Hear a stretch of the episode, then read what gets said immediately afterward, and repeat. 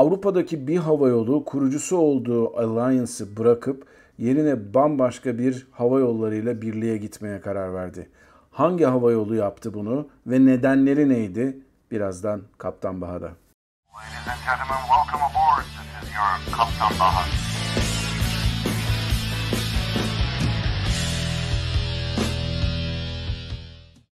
Herkese merhabalar arkadaşlar. Ben Kaptan Baha. Yepyeni bir Kaptan Baha yayınında ilginç hava yolu konularında beraberiz. Geçtiğimiz hafta İskandinav Hava Yolları Birliği'nin oluşturduğu SAS Hava Yolları kurucusu olduğu Star Alliance'dan ayrılma kararı verdi.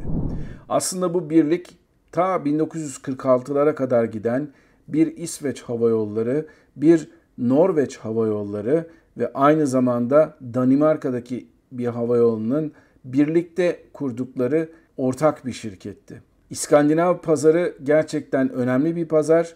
Nüfus olarak çok fazla bir yoğunluk olmamasına rağmen gelir dağılımı açısından dünyanın en ileri ülkelerinden biri olduğu için hem turistik açılardan yapılan yolculuklarda hem de iş dünyası için yapılan e, iş insanlarının yaptığı yolculuklarda çok önem arz ediyor.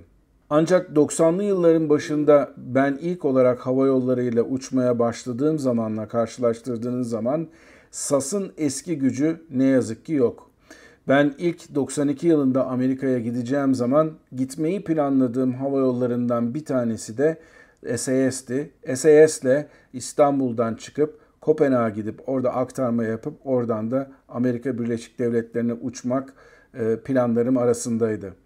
Hem o zamana kadar uçmadığım MD-80 uçaklarıyla uçmak istiyordum. Hem de aynı zamanda değişik bir ülke üzerinden aktarma yapacağım için o ülkeyi de belli bir anlamda görmüş olacaktım.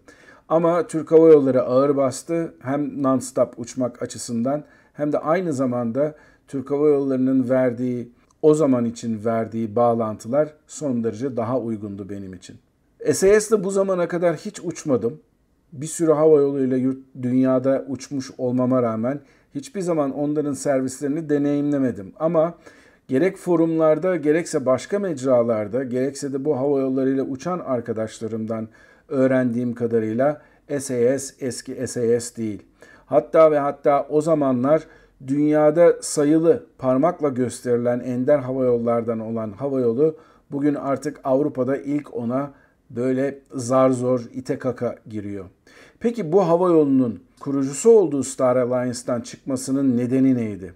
Bu hava yolu neden durup dururken başlığında Delta, Virgin Atlantic, KLM ve aynı zamanda Air France gibi e, hava yollarının olduğu SkyTeam'e neden geçti? İşte burada hava yolunun düştüğü durumun çok çok önemi var. Dediğim gibi SAS eskiden gerçekten prestijli bir hava yoluydu. Hala da servisinin çok kötü olmadığı söylenir ama bir artık Türk Hava Yolları değil. Bugün Avrupa'da yolcu sayısı açısından baktığımız zaman Türk Hava Yolları baya bir açık arayla önde. ikinci sırada 70 milyondan fazla 2022 yılında uçurmuş olduğu yolcudan bahsediyoruz. Bunu 100 milyonla e, Lufthansa geçebiliyor ancak ama Türk Hava Yolları ikinci sırada. SAS artık Avrupa'da o kadar düşük durumda ki bizim düşük maliyetli hava yolumuz olan Pegasus Hava Yolları bile onun önünde. Tabi bu arada bazı gerçekler de var. Avrupa'da artık Avrupa içi hava yolları açısından baktığınız zaman en büyük hava yollarından bir tanesi yine düşük maliyetli olan EasyJet ve ondan daha da büyüğü olan Ryanair. Bunlar artık özellikle Avrupa içi piyasasını bayağı toplamış durumdalar.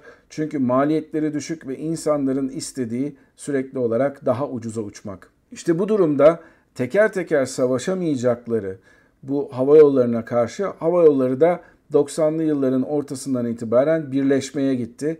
Önce alliance'lar yapıldı ama daha sonradan büyük balık küçük balığı yutar cinsinde artık Lufthansa grubu altında birleşti bir takım hava yolları. Bunlar ne mi? İşte Lufthansa var zaten.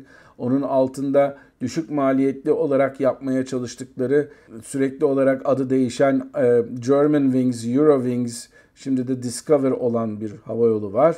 Artık Lufthansa'nın altında yılların Swiss'i var ki zamanında ilk alliance'lardan birisi olan Qualifier kurmayı de, denemişti Swiss Hava Yolları.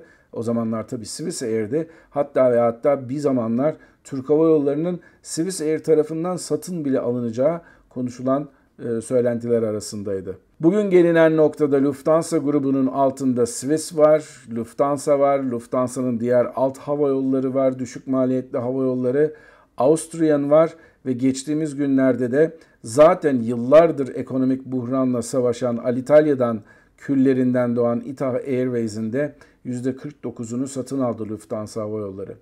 Diğer taraftan baktığınız zaman da SkyTeam'in üyeleri arasında Avrupa'da en çok başı çekenler Air France ve KLM. Onların okyanus ötüde ötesinde de ve Avrupa dışında da bir takım güçlü partnerleri var. Okyanus ötesindeki SkyTeam'in en büyük partneri Delta Hava Yolları gerçekten çok başarılı ve karlı bir hava yolu olan Delta'da e, yavaş yavaş bu hava yollarında zamanında yatırımlar yaparak bir kısımlarını kendilerine bağladı. Örneğin Virgin Atlantic'te bir kısmını satın aldı Delta Hava Yolları. Zamanında Northwest ve KLM birbirlerinden hisse almışlardı. Northwest e, ve KLM daha sonra Northwest Delta tarafından satın alınınca Delta'nın da böyle bir e, ilişkisi oldu, organik ilişkisi oldu KLM'le. Tabii daha sonradan KLM Air France'da bir araya geldiler ve burada da büyük bir e, global oyun oynayıcı oldu. Artık hava yolları Avrupa'da konsolide olmak durumunda. İşte bu durumda da bütün bu hava yolları giderek güçlenirken karşılarında ayakta duramayan SAS hava yolları da maalesef 2022 yılının Temmuz ayında da konkordato ilan etmek zorunda kaldı.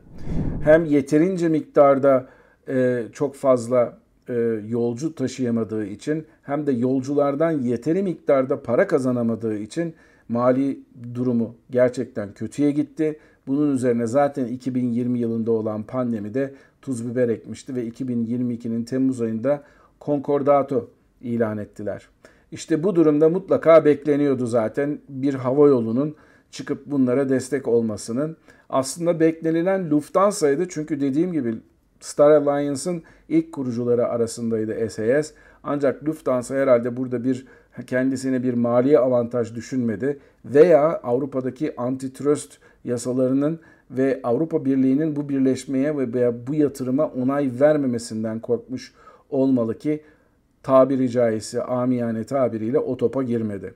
Bu durumda Air France KLM de %19'unu e, satın aldılar SAS'in ve bunun karşılığında da kardeşim sen artık bizim Alliance'a gel SkyTeam üyesi ol dediler. İşte bu durumlarda ne oluyor? Bu durumlarda örneğin SAS'te milleriniz varsa daha sonradan ne oluyor? E, bunlar doğrudan SkyTeam'e mi geçiyor? Bunları biraz açıklığa kavuşturayım sizin için isterseniz. E, genellikle bu durumlarda belli bir zaman süresi veriliyor. Bir yıl, bir buçuk yıl veya iki yıl türünden zaman veriliyor yolculara. Veya yolculara siz elinizdeki milleri harcayın deniliyor veya işte millerinizi başka bir şekilde değerlendirme fırsatı elde edin diyorlar.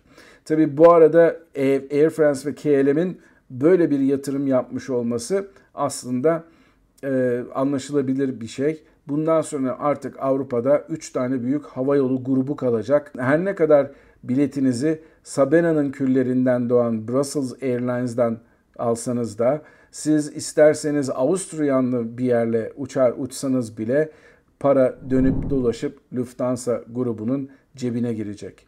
Tabi klasik anlamda bu hava yolları da ne yazık ki artık çok iyi servis veren hava yolları da değiller.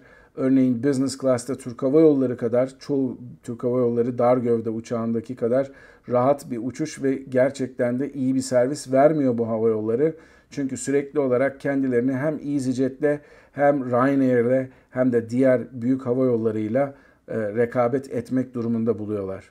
Dediğim gibi bundan sonra Avrupa'da 3 tane büyük hava yolu grubu göreceğiz. E, Air France KLM grubu, AIG grubu ve Lufthansa grubu olarak. Türk Hava Yolları peki bunların arasında nerede olacak derseniz zirvede veya zirveye yakın olmayı planlıyor Türk Hava Yolları.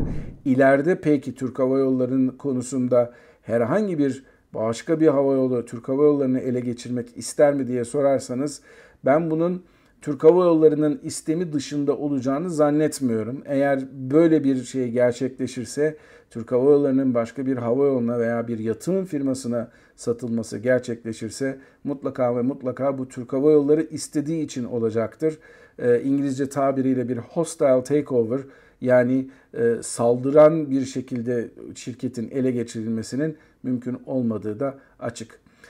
Gerek hisse yapıları açısından gerekse hava yolunun içinde bulunduğu konum açısından. Böyle bir haber vardı geçtiğimiz haftalarda. Maalesef gündem çok çabuk değişiyor ve gündem de çok çabuk değiştiği için bu tür haberler ne yazık ki e, iyi bir şekilde değerlendirilmiyor. Umarım bu videoyu beğenmişsinizdir.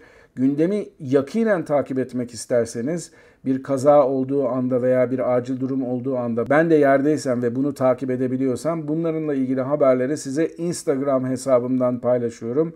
Instagram hesabıma da eğer şu ana kadar bakmadıysanız oraya da bakmanızı öneririm. Bambaşka bir Kaptan Baha yayınında birlikte olana kadar mutlu kalın, esen kalın ama her şeyden önemlisi sağlıklı kalın.